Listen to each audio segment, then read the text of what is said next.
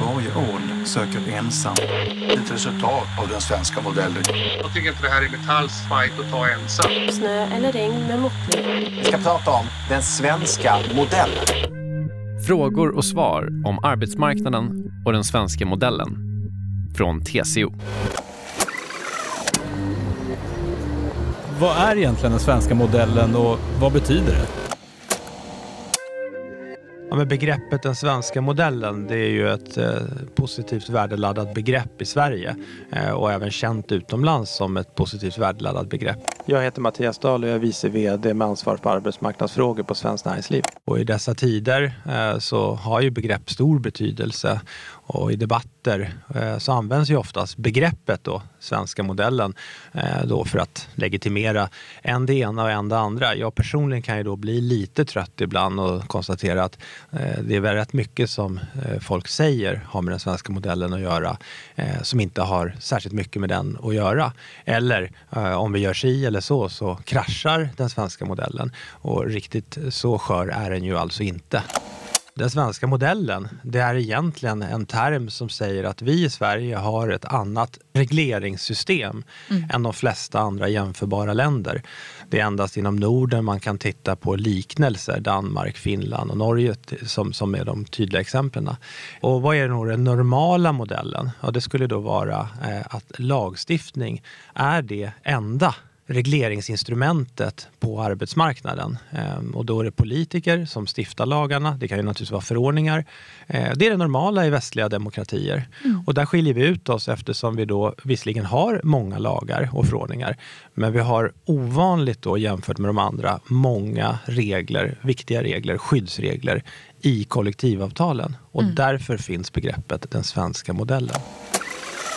Jag tänker också att hela grundförutsättningen för det handlar ju om ett eh, kulturbärarskap i att vi tror på kompromiss. Jag heter Therese Svanström och är ordförande för TCO. Vi tror på att eh, komma överens på arbetsplatserna och någonstans i botten handlar ju det också om ett ett ledarskap i, på svensk arbetsmarknad som innebär att vi tar ansvar tillsammans för när vi har skakat i hand på kollektivavtalet som förhoppningsvis finns på de flesta arbetsplatserna. Då är det föregånget av ett arbete där vi har givit och tagit och till slutändan också landat i en liksom, överenskommelse som vi står bakom och, och, och med lojalitet också värnar i slutändan. Och det där skapar ju också en kultur på många av landets arbetsplatser som jag skulle säga är eftersträvansvärd därför att både eh, det eh, undviker det som är, kan vara utmaningar med konflikt, eh, konflikter men också att bygga en ledarskapskultur som innebär, har varit ganska gynnsam ur ett svenskt perspektiv i att skapa tillväxt och lönsamhet för att det är ett bra sätt att leda organisationer. Så jag tycker det finns flera aspekter av det. Eller vad säger du? Jag håller helt med. Eh, men begreppet den svenska modellen eh, används för mycket tycker jag återigen. Men, men det, det, och det det säger är bara inom citationstecken för jag tycker det är superstort och superviktigt hur reglerar vi arbetsmarknaden? Mm. Varför vi har valt den svenska modellen? Ja, det är ju av dem, bland annat av de skälen du säger. Incitamenten för statsmakten, politiken, att acceptera att de inte ska in. Eh, det är ju ett stort beslut för politiker. Verkligen. Arbetsmarknadsområdet är väldigt stort och brett. De flesta väljare, för att inte säga nästan alla, eh, har en nära relation till arbetsmarknaden. Man jobbar nämligen där. Ja. Det är där man får sin, spenderar sin mesta tid. Mm. Att politiker då skulle avstå mm. Eh, från att möta väljare och tillfredsställa deras behov och outsourca det, för att prata näringslivssvenska, till några andra. Det kräver ju ganska mycket.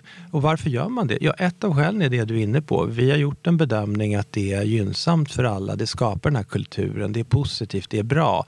Varför står näringsliv och fack bakom det? Ja, av samma skäl som du beskriver. Mm. Så att det du är inne på håller jag helt med om och det är skälen till att vi har valt det.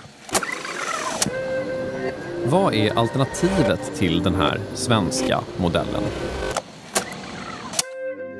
Alternativet till den svenska modellen det skulle vara då den normala modellen. Och då pratar jag egentligen nu då i västliga demokratier. Det är klart man kan tänka sig diktaturer och andra helt avskyvärda och felaktiga system. Mm. Men de är inte relevanta för den här diskussionen. Utan i en demokrati skulle alternativet vara och är eh, normal eh, lagstiftning. Det vill säga att politiken eh, träter med varandra, möter väljarna och så får en eller annan sida vinsten och sen kan de då reglera frågorna eh, via lagstiftning lagstiftning, precis som man gör på väldigt många andra politikområden, stora viktiga. Mm. Där är det politiska beslut, det är ingen annan som eh, har makten att reglera. Men just på arbetsmarknaden sen, i vart fall då Saltsjöbadsavtalet 1 i slutet på 30-talet, så Mm. har arbetsmarknadens parter i Sverige haft ett otroligt stort inflytande på regelverket. Ja, men det är ju den modell som stora delar av Europa eh, också har. Alltså, Istället en lagstiftningsprocedur som reglerar eh, den balans som bör finnas på arbetsmarknaden. Och det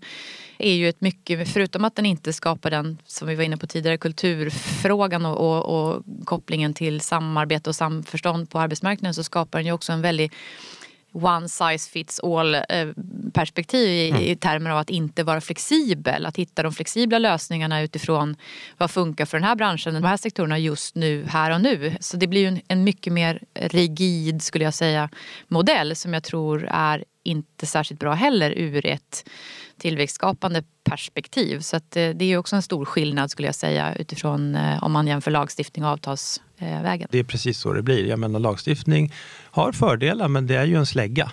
Mm. Eh, Medan kollektivavtal då i bästa världar kan vara väldigt nischat och väldigt anpassat efter individuella så att säga, branscher och medarbetarna därs behov. Så det, det finns stora fördelar. Det är därför vi har valt det.